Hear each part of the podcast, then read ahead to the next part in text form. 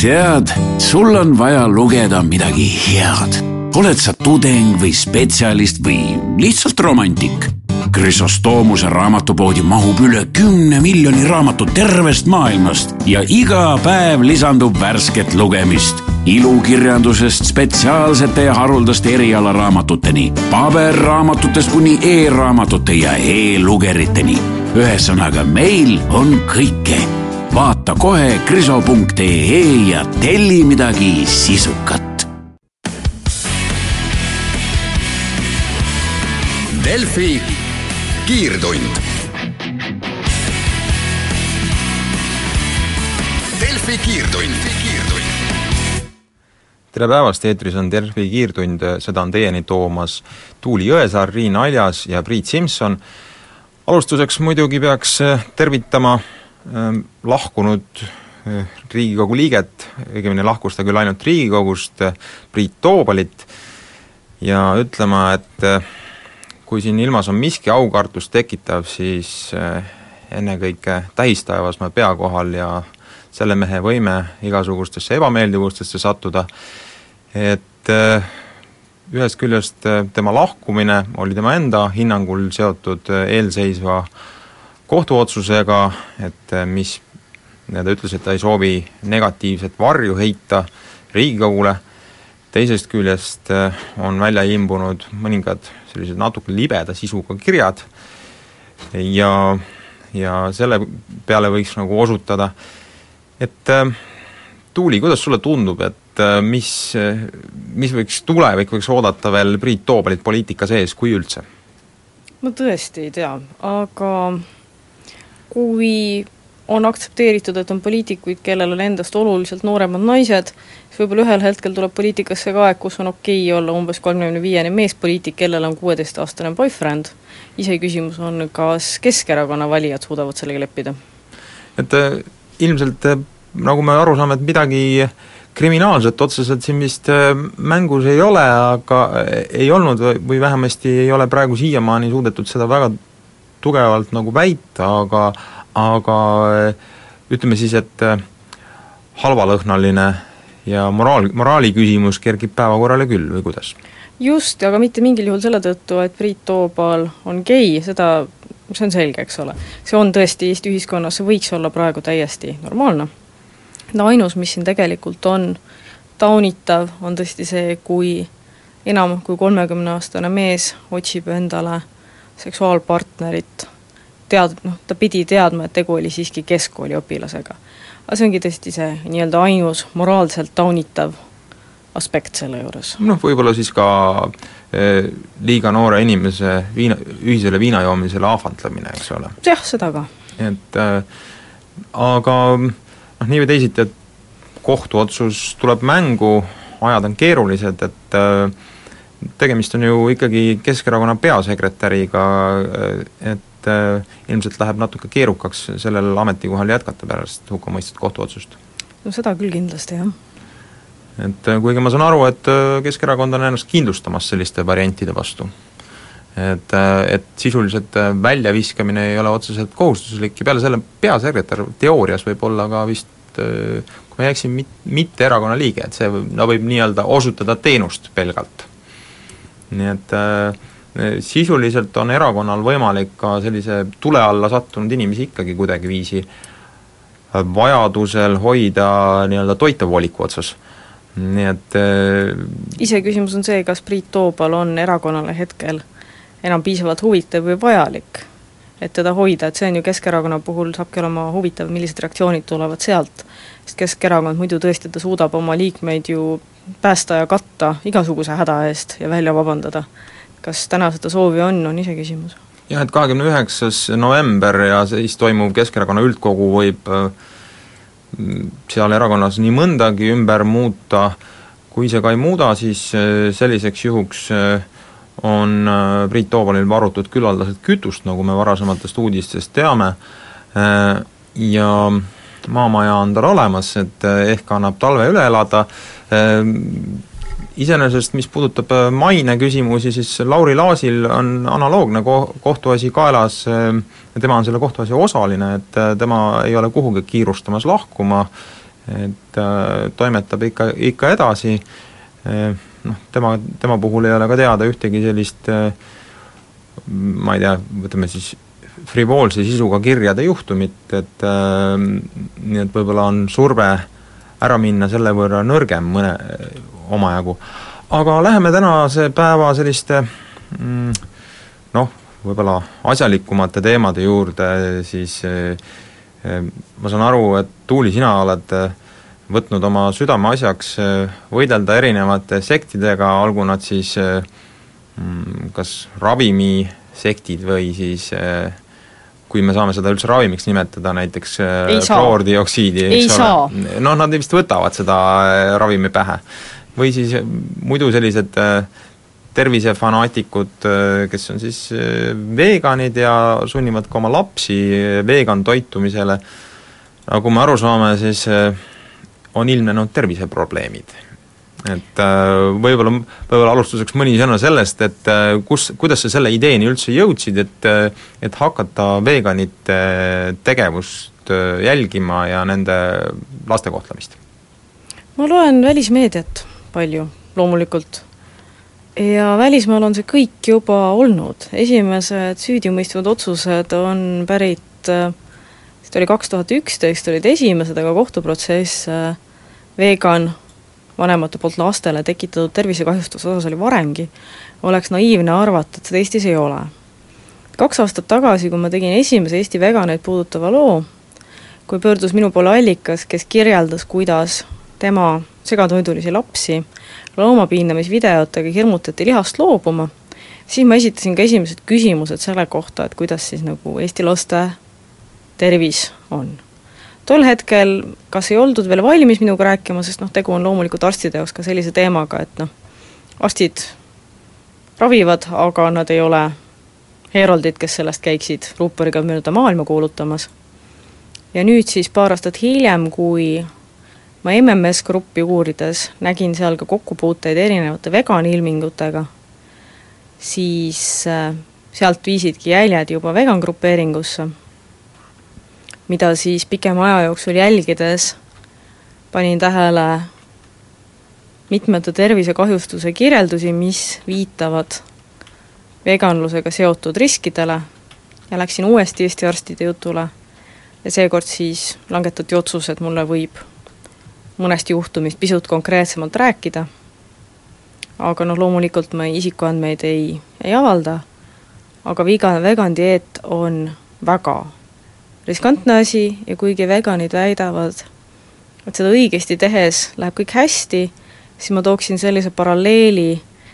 et isegi kui lapsevanem tegeleb näiteks rallispordi või mägironimisega ja seda õigesti tehes on väga suur šanss ellu jääda, ei ole ikkagi mõistlik last ralliautosse kaasa võtta ega endale kalju ronimisel külge riputada. Delfi kiirtund.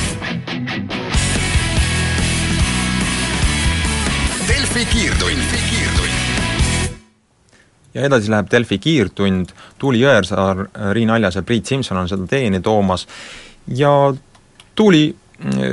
sina rääkisid äh, sellest, et äh, kuidas sa jõudsid äh, vegan dieedi kahjustusteni lastel, et teeme kõigepealt selgeks, et mida siis ikkagi see vegan sööb või ei söö, eks ole, et ja et mis siis on tervikuna nende selle noh, veganite liikumine on ju tegelikult päris laialdane, et, et, et inimesed muudkui kuuluvad sinna ja ma ei tea, kas neil on mingisuguseid hädasid või mitte, et vegan dieet äh, tähendab loobumist absoluutselt kõigest loomsest, sealhulgas siis ka piimast, võist, munadest, juustust. Et siis nii-öelda ovolacto vegetaarlane on see, kes äh, piima ja mune tarbib. ja arstide hinnangul see probleemipunkt ongi just veganite juures. et kuniks sa tarbid midagigi loomset, on see hästi juba. et ähm, ja miks on see probleem, inimene lihtsalt ei saa taimedest päris kõiki aineid kätte ja kui see täiskasvanu puhul on kompenseerimine lihtsam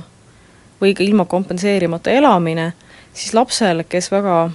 see on nüüd üsnagi selline lihtsustatud jutt, minuga vestelnud toitumisteadlase ja endokrinoloogi jutust, lapsel jääb loomsest toidust loobumisel puudu kõige lihtsamalt öeldes ehitusmaterjali, millest inimene kokku kasvab. see mõjutab ennekõike närvi- ja hormonaalsüsteemi. ehk siis jah, taimetoitlased võivad tunda ennast võrdlemisi julgelt ja hästi, võib-olla kannatavad pisukese väsimuse all meie kliimas, küsimus on veganites ja veel kitsamalt, küsimus on veganitena kasvatatud lastel. sest igal täiskasvanul on ikkagi õigus teha endaga, mida ta tahab, et kas ennast surnuks juua või krõbistada kapsalehti, see ei ole kellegi asi meist. kui aga põhjustatakse enda toitumisvalikuga lapsele tervisekahjustust või isegi tekitatakse sellega teadlikult risk lapse tervisekahjustusele, see on taunitav. vaatan siin, et tükk, doktor Ülle Einberg on äh, öelnud kogunisti, et tegelikult äh, väikesed lapsed peaksid praktiliselt iga päev liha sööma. jah, ja ta lisas veel ka veel tõesti, et kui nagu paar korda nädalas ei söö liha, on midagi muud, selle asemel see on okei okay.. küsimus on ju selles, et vegan, radikaalsed vegan emad hoiavad lapsi ju kuude kaupa ilma lihata ja küsimus ei ole tõesti selles, kas nüüd laps saab iga päev liha, vaid seal on deprivatsioon kestab kuid mm. -hmm no et äh, seda kõike me räägime siis teadmisega, et äh, suurem osa Eesti elanikke sööb äh, köögi- ja juurvilju liiga vähe ilmselgelt, eks ole. jaa, ja see on veganite üks järgmine vastuargument, et et taimetoit on hea. jaa, taimetoit on väga hea ja see peab moodustama suurema osa toidusedelist. lihtsalt liha ei tohi välja jätta no räägime sellest, mi-, millest siis on inimesel ennekõike puudus, et ma saan aru, et D-vitamiin, raud, ja võib-olla B kaksteist vitamiin kipuvad olema need põhilised, mis, millest tekib vajakajäämine, et kuidas see tekib ja kas seda on võimalik mingil muul moel kompenseerida? Siinkohal ongi nüüd natuke halb, et rääkijaks olen mina, et ma olen kõigest ajakirjanik ja vahendan arstide ja toitumisteadlaste juttu ja see mehhanism, miks see ongi üldse probleem, on see, et see mehhanism on keeruline. et nii palju, kui ma aru sain, vahendades tõesti teadlaste juttu, äh, suures jaos on erinevad kompenseerimismeetmed võimalikud. B kaheteistkümne puhul, ma saan aru, on see kõige keerulisem. iseküsimus on see, kas meie vegan emmed on doktorikraadiga toitumisteadlase tasemel, et kõiki kompenseerimisprotsesse vajalikul määral läbi viia. kui teha seda kliinilise katsena, kus siis tõesti kamp teadlasi on lapse ümber ja arvutab igapäevaselt kõikmõeldavad kogused välja, ma oletan, et see tõesti on tänapäevasel tasemel, on võimalik. ma ei tea seda, aga ma oletan. aga kui siis keskmise humanitaarharidusega noor vegan ema ise kodus majandab ja arvab, et ta tuleb kompenseerimisega toime, siis see on see koht, kus võib tekkida probleeme. lisas ka seda, et Eesti apteekides ka isegi ei pruugi olla B kahtteist piisavalt nii-öelda maakeeli öelduna vägevas kontsentratsioon, kontsentratsiooniis olemas no seda öeldakse, seda öeldakse ka D-vitamiini äh, preparaatide ja. kohta, et nad tihtilugu on äh, nii lootusetult lahjad jah, ja samas muidugi ka üledoseerimine on ohtlik. ehk siis see, kuidas selle piirikese peal kõndida, see on väga riskantne. Ja jällegi, kui seda teeb täiskasvanu, palun, see ei ole hullem kui mõni ekstreemsport, seda saab teha täiesti rahulikult köögilaua tagant lahkumata, endaga mängida. seda lihtsalt ei tohi teha lapsega. Noh, mina näiteks olen käinud äh, ka ühes kliinikus, mis äh, teinud seal näiteks tervisesportlase testi, synlab.ee äh, leheküljel saab seda vaadata, et noh, näiteks sain teada täpselt, et mis mu igasugused näitajad on, et ma usun, et neid kliinikuid on veel, et et kust ma sain teada, et kuidas mul on seis D-vitamiiniga, hemoglobiiniga,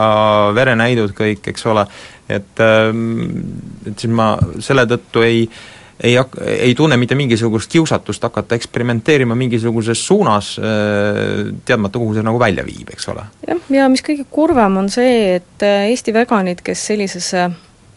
riski panevad oma lapsed, äh, lähtudes suurtest eetilistest põhimõtetest ja armastusest loomade vastu, siis kõige nukram on ju see, et tõenäoliselt ei jää selle tõttu mitte ükski lehm rohkem ellu. et ainus, mis tegelikult juhtub, ongi riskid nende enda lastele, et see on nii, see on nii kurb võitlus aga need riskid ikkagi, et äh, ainete puudus, see on üks asi, aga et mi-, mida siis see reaalselt teeb nende ainete puudusel, ma saan aru, et me räägime siin erinevatest nõrkustest ja, ja muidu sellisest kergelt hõredast ma, olemisest, aga mitte ainult. ma rõhutan seda, et ma vahendan endokrinoloog ja toitumisteadlase antud infot, aga lihtsalt ümberjutustatuna see kõlab siis sedasi, et esimesed märgid on tõesti see, et tekib jõuetus, väsimus, sellele võib järgneda verevaegus, äh, kaltsiumipuudusest võib, võib tekkida luude kahjustus ehk vanal ajal tuntud brahiit, mida nüüd tänapäeval enam praktiliselt, praktiliselt ei ole, väljaspool arengumaid, äh, siis tekivad neuroloogilised kahjustused, mis ongi juba väga keeruline ala, see närvisüsteemi noh, lihtsalt öeldes puudujäägid, arengu peetus ja teismeliste puhul, seda selgitas mulle toitumisteadlane doktor Laht väga ilusti, kui organismil on nii-öelda täiskasvanuks saamise ainetest puudus, siis ta nii-öelda keeldub sellest ja vegan dieedil kasvanud lapsel ei pruugi alata puberteet, tal ei pruugi hormonaal- ja fertiilsussüsteem üldse välja areneda see on tõesti väga lihtsustatud jutt ja see on väga kompleksne ja väga keeruline ja selliste riskidega kodus tegeleda jumala eest ma ei julgeks. no ma saan aru, et sa oled sellesse vegan gruppi sisse niimoodi imbunud ja kus siis äh, kurdetakse, et et nii masendav oli telefonivestlus arstiga, et kui verivorsti ja loomaliha ja piimatooteid ei söö, siis ei saagi D-vitamiini näit normis olla, et et ühesõnaga mm, meie teame paremini, on, on see põhiline. selle kohta on mul veel eraldi märkus, et siin selle lapse ema nüüd argumenteerib, et ähm, just siin uudistes loeti ka ette, et nende pere ei olevatki veganid, et nad natuliha ikka pidid sööma ja et ta vegan gruppi läks lihtsalt nõu küsima. no iseenesest paistis talle muidugi meelest... samas äh, liha vastu kõvasti, kõvasti ja. tema hinges siiski mingisugune Aga... okas olevat. see on ka järgmine aspekt, ehk siis usaldamatus arstide vastu kui lapsel on terviseprobleem,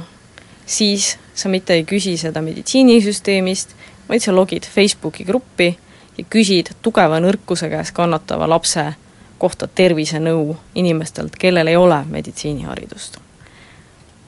Noh, ega iseenesest äh, ma saan aru, et äh, on juba noh, mitte ainult see, mida endokrinoloogid räägivad tervisehädade sees, seas, vaid, vaid ka nagu need, see, mida nagu grupis räägitakse, et ongi teatud märke tervisehädadest. jah, on küll. nii et äh, nende seas siis on tõepoolest ka need D-vitamiini puuduse tagajärjed ja, ja aga noh, ennekõike paistab, et seda kõike saadab ikkagi üsna tugev jutt äh,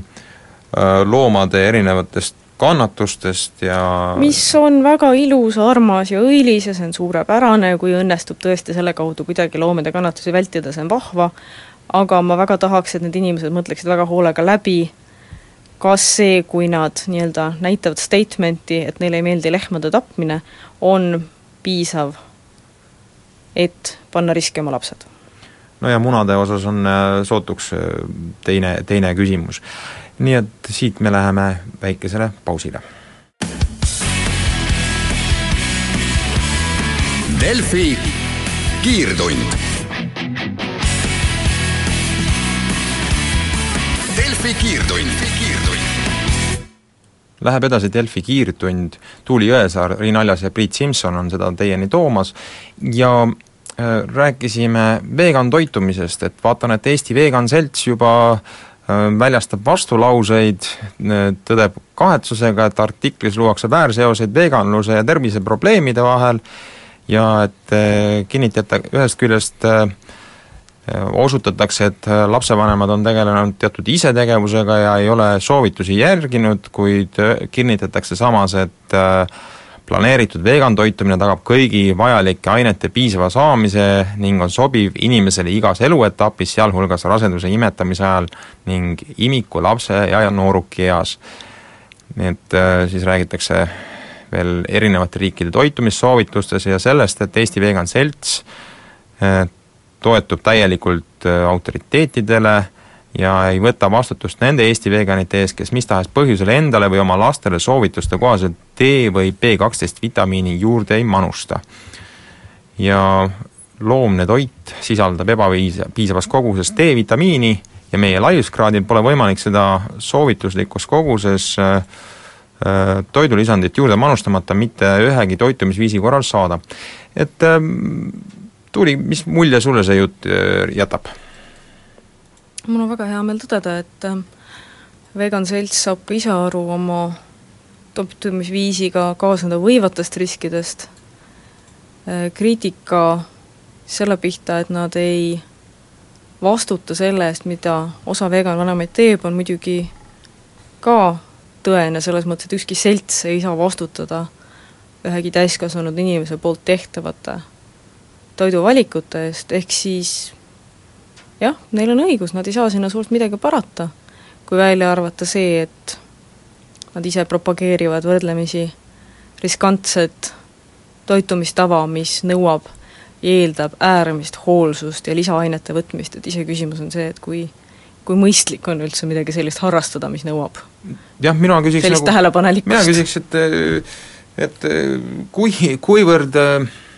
loomulik see viis siis nüüd on, et kui ma ühest küljest toitun mingil viisil, mille puhul ma väidan, et see on väga loomulik, ja teisest küljest siis krõbistan äh, kogu aeg vitamiine selleks, et püsida ja pead pidama tõhusaid tabeleid, et arvutada, kust ja mida sa kätte saad. see on, noh, ma olen ka lugenud mõnda artiklit, mis osutavad, et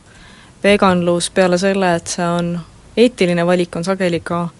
osaline eskapism päriselu probleemidest ja võimaldab nii-öelda hoida kontrolli all mingit osa oma elust, et kui sa justkui kontrollid oma toitumist, siis on see lihtsam taluda, ütleme, kas ep-, elu ebakindlust või ebaõnnestumisi mingis muus valdkonnas. ja noh, muidugi ei saa jätta tõesti kõrvale seda eetika aspekti, et inimesed, kes on sattunud väga tugeva mõju alla sellest, et mõni tõepoolest lehm sureb selle nimel, et saada steiki ja otsustab selle nimel ainult taimi süüa, see on tore, ja ma endiselt jõuan selleni, ärge tehke seda lastega. no kindlasti loomulikult on see, et et teatud liha tootmine iseenesest nõuab ju keskkonnalt palju rohkem pingutust ja palju rohkem lõivu, et äh, taimede kasvatamine on paratamatult natukene vähem keskkonda koormavam, et kui siin on, läheb nagu sellise keskkonnaalase mõtteviisi peale, et äh, aga, aga see nüüd äh, see, et veganlusega võivad kaasneda mõningad ohud, et äh, see nüüd ei, ei tähenda, et inimesed peaksid kõik, kõik hakkama võimalikult palju liha sööma, et äh, ilmselt äh, oleks ka vale sõnum suurema osale Eesti elanikkonnast. jah, ja samamoodi on ebaterve see, kuidas veganid lapsi ka hirmutavad, ehk siis nad ei anna lastele ka hilisemaks eluks võimalust otsustada ümber, et kui ma ei taha teada, mis on need psühholoogiliselt kahjustatud lapsel, kellel on tema nii-öelda mõtlemisvõime algusest peale rõhutatud äh, ja räägitud surnud loomadest ja loomade piinamisest ja muust sellisest, et kas see tagab eluterve psüühika arengu nii ehk naa, et kas lapse hirmutamine on üldse ja üle pea arvestatav kasvatusmeetod? nojah, et autoriteetidest rääkides on ju teisigi autoriteete, kes tõepoolest äh, arvasid justament, et äh, vähemasti varases lapseeas peaks laps just liha saama. aga läheme ühe natukene vanema uudise juurde, millest tegelikult arengud jätkuvad ja me pra-, veel, veel hiljaaegugi olid Prantsusmaal Pariisis Saint-Denis eeslinnas üks politseioperatsioon, mis lõppes arvukate oht-, ohvritega ja, ja haavatud politseinikega, et äh, Riin, sina olid äh, alles sellel nädalavahetusel äh, Pariisis, seal, kus äh, toimusid terroriaktid ja said sellest meeleolust ka omajagu osa, et kui sa praegu vaatad, et kas need arengud, mis siin hetkel toimuvad, on kuidagiviisi ootuspärased ja kas, kas sulle paistab, et nii-öelda see häireseisund ei kao sealt riigist mitte niipea, et ongi, ongi riik nagu nii-öelda konstantses alarmseisundis ja et äh, normaalsetele, normaalse elu radadele pöördumist ei tarvitsegi niisama lihtsalt tulla? Äh, ma arvan küll, et noh, selge on see, et argielu läheb edasi, seda oli näha juba, juba tegelikult pühapäeval, kui me seal olime, aga aga selge on see, et äh, sellel on selge põhjus, et et, seal on praegu sõjaseisukord ja see, ja see kestab ja see on ka asi, mida tegelikult inimesed ootavad. et mis võib-olla noh, minule, võib-olla teistele mitte, aga mis minu, mind natukene üllatas, oli see, et mm, mm, et äh, pärast neid rünnakuid äh, tegelikult äh, Prantsuse inimeste toetus sõjategevusele Süürias ei ole, ei ole väiksemaks läinud. Ehk siis nad ei oota, noh, osa, spekuleeriti seda, et noh, et see on osaliselt ka eesmärk, et siis äh, nii-öelda eurooplased ise survestaks siis oma valitsusi seda äh, sõjategevust tagasi tõmbama, aga tegelikult küsitlused Prantsuse inimeste seas näitavad praegu, et tegelikult see toetus on on sama kõrge, ehk siis pigem oot-, oodatakse seda, et, et kodus ja ka Süürias asi nii-öelda korra alla saadakse, aga mitte kindlasti neid, neid vägesid tagasi tõmbama. ja noh, teine asi on ka see, et et noh, see, üks asi on see nii-öelda riigi ja valitsuse tasandiline nii-öelda alarmseisund, teine asi on see, mis inimeste sees toimub. no sina said ka teatud osa ja. sellisest äh, sealsest kohapealsest ärevusest. jaa, sest seal oli pühapäeva õhtul, noh, see oligi selles suhtes, oli oli, oli hästi hea nagu omal nahal seda noh, hea näide selles mõttes, et, et kuni pühapäeva õhtuni me veel rääkisime fotograafiga, kes minuga kaasas oli, et me olime isegi üllatunud sellest, et kui kiiresti olukord normaliseerus, et pühapäeval Senni kaldal, mis ei ole tegelikult üldse kaugel nendest paikadest, äh, imesoe novembripäev oli, kaheksateist kraadi, inimesed istuvad jõe ääres, võtavad päikest, loevad raamatuid, inimesed naeratavad. ja noh, pühapäeval kui sa just ei ole nendes äh, rünnakupaikades, siis äh, see, mis toimus kesklinnas Pariisis, noh, ei pruugi absoluutselt teadagi, et midagi oleks juhtunud. Ja siis pühapäeva õhtul kusagil kaheksa-üheksa vahel ma istusin kohvikus väliterrassil, täpselt niimoodi, nagu need inimesed, keda rünnati, ja sekundiga, mu vastas oli tuhandeid inimesi ühe väljaku peal ja sekundiga läks lahti täielik paanika, inimesed hakkasid karjuma, äh, hakkasid jooksma ja järgmine hetk ma te-, ma olin ka laua all maas, sest noh, täpselt see tunne oligi, et järelikult siis nüüd keegi tulistab siin aga tegelikult see oli vale häire, see oli, see oli äh, ilutulestiku raketid, aga kaks minutit ma olin laua all maas ja ma mõtlesin selle, ma roomasin kohvikusse ja ma mõtlesin selle peale, et ma üritan saada võimalikult keskele, sest siis, kui tulistatakse, äkki need lähevad laudadest ja teistest inimestest läbi. ja noh, see iseloomustab seda, et, et, et sellel hetkel noh,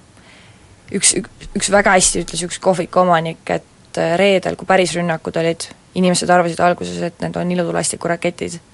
ja nüüd pühapäeval, kui olid päriselt ilutulestikuraketid, inimeste automaatne reaktsioon on, et need on, need on rünnakud. no ilmselt oli keegi juba piisavalt rünnaku siis ära unustanud selle tõttu, et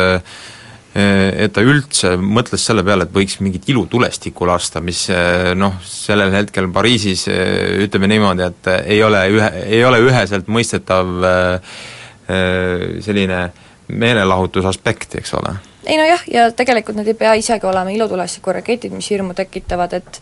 e, esmaspäeva õhtul ma sõitsin metrooga ja metroo jäi seisma, mis on tegelikult täiesti, seda ikka tuleb ette metroos, et noh, mingisugused tehnilised probleemid, ta seisis päris pikalt, metroo jäi seisma, ülevalt hakkas kostma politseisireene, mis on ka tavalised, ja siis, äh, ja sa näed inim-, kõik olid küll rahulikult, aga inimeste nägudest on näha, mismoodi nad kardavad. nii et hirm oli majas ja me läheme siit väikesele pausile. Delfi kiirtund. Delfi kiirtund, kiirtund. jätkub Delfi kiirtund, Tuuli Jõesaar, Riin Aljas ja Priit Simson on teiega ja kõneleme Pariisist, kõneleme Prantsusmaast, terrorirünnakutest, jutuga jõuame välja ka Lähis-Itta Riin, kui sa tajusid seda olukorda seal sellel nädalavahetusel Pariisis, siis äh, mainisid, et ei ole tulnud seda hirmu, et, et inimesed sooviksid äh, noh, tingimata, et Prantsusmaa välja tõmbuks Lähis-Idast, pigem võiks ju tegelikult, tegelikult küsida, et kas äh, ei teki hoopis väga suurt nii-öelda survet, et tingimata minna just sinna ISISe vastu sõtta, minna maismaarünnakuni, vaatamata sellele, et lääneriikide viimased kaks sõda Lähis-Idas, seda nii Afganistani kui, kes on, mis on küll pigem Kesk-Aasia, Afganistani ja äh, Iraagi näol äh, on noh, tegelikult küllaltki kehvasti lõppenud ja ja nüüd äh, veel üks sõda sinna juurde ei peaks ju selliselt ajalooliselt taustalt üldsegi mingisugust vaimustust tekitama. ometigi on äh, Francois Hollande öelnud, et ISIS tuleb hävitada ja ma näen, et Prantsuse arvamusliidrid, samamoodi meie lehes kirjutanud rahvusvaheliste suhete professor Dominique Moissy on öelnud, et ISISe käest tuleb kindlasti Süüria ära võtta, sest et seal on nende varjupaik, seal on nende treeningpaik ja see tugevdab neid, et sisuliselt Süüria funktsioneerib samamoodi, nagu enne kahe tuhande esimest aastat funktsioneeris Afganistan mm, Al-Qaeda jaoks sellise varjupaigana, et kas see, kas sa eeldad, et veendumus minna ja kindlasti rünnata ISISe alasid võiks hakata tugevnema? ma noh, selles mõttes tugevnema kindlasti, et ma usun, et neid inimesi, kes, kes võib-olla, kes on olnud sellel nii-öelda kahe vahel, võib-olla nüüd pigem hakkavad sinnapoole liikuma, aga, aga kuhu, kuhu see lõppotsus viib, seda ma ei tea, aga ma arvan, et mis, mis on selge, on see, et et need otsused tehakse nüüd kiiremini. Et veel ei ole teada, et, et, et mida täpselt, aga lihtsalt see surve, surve nüüd hakata sellega väga tugevalt tegelema äh, on olemas. no tajusid sa seal mingisugust inimeste enda mõtetest ja pilkudest ka seda, et nad ütleksid, et nii, nüüd on vaja midagi otsustavalt ette võtta, nüüd on vaja äh, nüüd on vaja Süüriasse minna, mis iganes Äh, tavainimestega rääkides absoluutselt mitte, inimesed olid selleks liiga šokis, sest ma, ma küsisin seda absoluutselt kõigilt, kellega me rääkisime. ja alati oli, noh, siin ma mõtlen tänavatel inimesi, mis tahes taustaga need olid ja need olid ka väga erineva taustaga, see palju oli finantsanalüütikuid, üks inimene oli ka sõjaväelane, oli poepidajaid, aga äh, veel noh, selle, me tulime tagasi teisipäeval, aga mitte ükski inimene isegi ei tahtnud selle teemal rääkida, sest kõik ütlesid, et, et on liiga vara ja hästi palju oli ka selles mõttes just vastupidist suhtumist, et ärme kiirusta. et äh, kardetakse, kardet-, võib-olla see on ka selle USA kogemuse nagu nagu mõju, et, et, et kardetakse seda, et et sellest ehmatusest ja, ja sellest traagikast lähtuvalt tehakse võib-olla liiga rutakaid otsuseid ja inimesed tänaval ütlevad just, et ootame natukene ja, ja mõtleme läbi. no aga kas nendest väljaütlemistest inimeste poolt oli tajuda, et äh, umbusk äh, Prantsusmaa moslemi kogukonna suhtes võiks kasvada? Nende inimestega, kellega mina rääkisin, ma ütleks pigem vastupidi, aga noh, siin tuleb jälle tõdeda seda, et äh, sa räägid inimestega tänaval, eks ole, need on inimesed, kes juba julgevad õue tulla, paljud inimesed ei julgenud õue tulla, need inimesed, kes tulevad mälestama, on teatud profiiliga, eks ole, et, et, et tõenäoliselt nii-öelda esinduslikku valimit ma sealt ei saanud. aga enamik inimesi ikkagi saab aru, et, et noh, hull on ju igas, igas grupis, hull on igas rahvuses, hull on igasugu, igas uh, usugrupis ja see on see mõte, mis, mis tuli hästi palju nendelt inimestelt ka, ka minuni. ja seda oli näha ka seal mälestuspaikades, oli palju selliseid, seal küünalde vahel oli hästi palju selliseid manifestlikke kirjutisi. ja, ja hästi palju oli ka seda mõtet, et äh, ma olen prantslane, ma, ma olen Charlie, ma olen Pariis, ma olen moslem, aga ma ei ole ISIS. Et seda oli ka mälestuspaikades juba hästi palju, seda, seda vahe tegemist, kuigi noh, samas me me nägime seal ka seda hetke, kui tulid kohalikud imaamid, tulid pärgi asatama ja üldiselt see oli hästi rahulik, see oli küll, liiklus oli kinni pandud, politsei oli kohal, aga noh, üks naine hakkas enda peale karjuma. ja, ja tema süüdistaski neid just mitte isegi selles, et noh, ta ei tõmb-, ta ei tõmmanud otsest võrdusmärki, eks ole, ISISe ja moslemi kogukonna vahele, aga ta süüdistas äh, moslemeid endid äh, tegevusetuses ja ta karjuski nende peale, ta ütleski, et, et, et jah, teie ei ole radikaalid, aga te ei tee piisavalt ära, et neid radikaale ei tekiks. et seda ma tundsin küll palju, et kohalikud inimesed ootavad kohalikelt mus-, moslemitelt suuremat ma ei tea, kas siis kontrolli, kas monitoorimist või et, et, et noh, nad tunnevad, et, et nad ei ole piisavalt teinud kõike, et seda ära hoida. No tõsi ju on see, et seda on mitut puhku nähtud, et ähm, et kui Euroopasse saabub mõõdukas äh, moslem, siis, äh, siis sellest mõõdukate moslemite kogukonnast võib kasvada välja ikkagi mingisugune hulk äh, radikaalseid mm, -hmm. et kes siis, kelle jaoks ühel hetkel see selline leebem lähenemine ei tundu olevat piisav. et ja, ja et kes siis no eriti seda sellises teises põlvkonnas mm -hmm. immigrantide seas ja ja ka meie lehes, Eesti Päevalehes on ilmunud põhjalikke tõlkelugusid nendest radikaalidest, kes on üles kasvanud isegi sellises suurepärases heaoluriigis ja kaasamise keskuses, nagu seda Taani on, eks ole, et Kopenhaageni mõningad äh, linnaosad, äh, isegi seal pakutavad võimalused ei ole nende jaoks piisavalt äh, küllaldased. et ja noh, paratamatult sealt on kasvanud välja ka päris mitmeid Süüriasse võit-, võitlema läinud sõdalasi. aga kui sa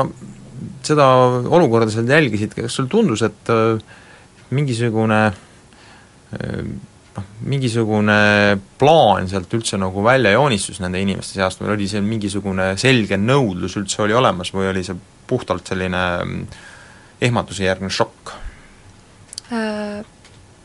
Tavainimeste seas ma ütleks küll, et ehmatusjärgne šokk, sest paljud isegi ei tahtnud sellel teemal rääkida, nad ütlesid otse välja, et praegu on liiga vara, et noh, nad, üks, üks mees ütles, ütleski mulle otse, otse vastu, et noh, et mida sa tahad, et ma analüüsin surmani iga nurga peal. et me peame kõigepealt mõtlema, kuidas me siin edasi elame. et tavainimeste seas seda ei ole, aga noh, ma arvan, et võib-olla ka täna juba oleks, eks ole, et mina olin seal kaks-kolm päeva hiljem, aga ma usun, et esimene asi, mida, mida, mida prantslased ise Pariisis nõuavad, mis ei, on pigem, pigem see, et äh, kontrollitaks Pariisi ja noh, sellest me natukene ka rääkisime, et nad ütlevad seda, et loomulikult ei saa tekitada sellist täielikku kontrolli ühiskondas, noh sa ei, sa ei suudagi kontrollida kõiki inimesi, aga mida üt-, noh, toodi seesama kontserdi näi-, näide, et inimesed ütlesid, ütle, ütlesidki seda, et et nad oleks, nad oleks valmis näiteks seisma enne kontserdit pikemalt aega järjekorras, et otsitaks kos-, kotid läbi, et noh, nad osad inimesed ütlesidki seda, et kui on massiüritused, et, et siis otsi-, et nad oleks valm-, nüüd, nüüd juba leppima sellega, et näiteks kotte otsitakse rohkem läbi. Tuuli, kuidas sulle tundub, et kas äh, on üldse võimalik äh, terrorismi alistada või siis äh, vähemasti piisaval tasemel maha suruda siin Euroopas? ma ei tea, aga ma loodan. Noh, näiteks mõningaid näiteid ju iseenesest peaks välismaalt leidma, et kõik terrorismid, mis on kusagil minevikus olnud, et need mõnedest on jagu saadud. et et aga kui sa vaatad Eesti reageeringut, et kas sulle tundub, et see on nagu küllaldane olnud, et kas on siin Eestil üldse mingit rolli, et, et kas me lisaks sellele, et me siin deklareerime, et oleme ühtsed ja noh, oma Facebooki profiili ilusti ära värvime, et peaksime veel midagi enamat tegema? ma tõesti ei julge seda hinnata, sest ma olen olnud seotud rohkem oma veganite teemaga, et ei et sa ei tunne mingisugust nõudlust enamat, enama reageeringu järele? Äh, ma lihtsalt ei ole suutnud jälgida. et noh, iseenesest äh, on äh, noh, kui me vaatame Ameerika kogemust, siis on see küllaltki edukas olnud vähemasti oma siseriikliku turvalisuse tagamisel. Nii et noh, vähemasti ameeriklastel on kaks tuhat üks oli neil terve rida Äh, rünnakuid territooriumil, kuid äh, pärast seda, kui see õnnetu Bostoni maratoni erand välja arvata, siis tundus, et suutsid ameeriklased vähemasti sisemaise ohuna terrorismi maha suruda. kuid te kuulasite siin Delfi kiirtundi, me täname teid ja kohtumiseni taas järgmisel nädalal. Delfi kiirtund. Delfi kiirtund.